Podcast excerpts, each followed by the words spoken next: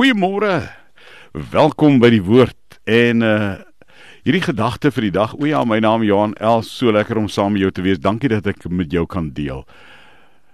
Disipelskap. D I S S I P E L S K A P. Beteken dat jy aan jouself moet sterf.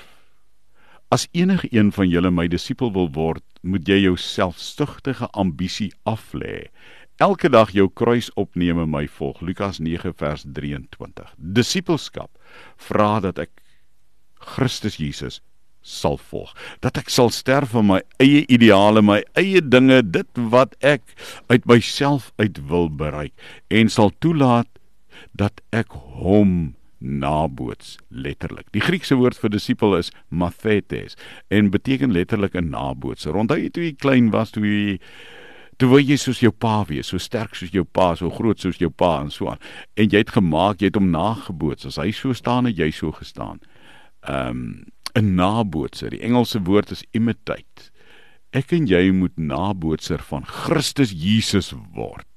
En dit beteken myself neer te lê.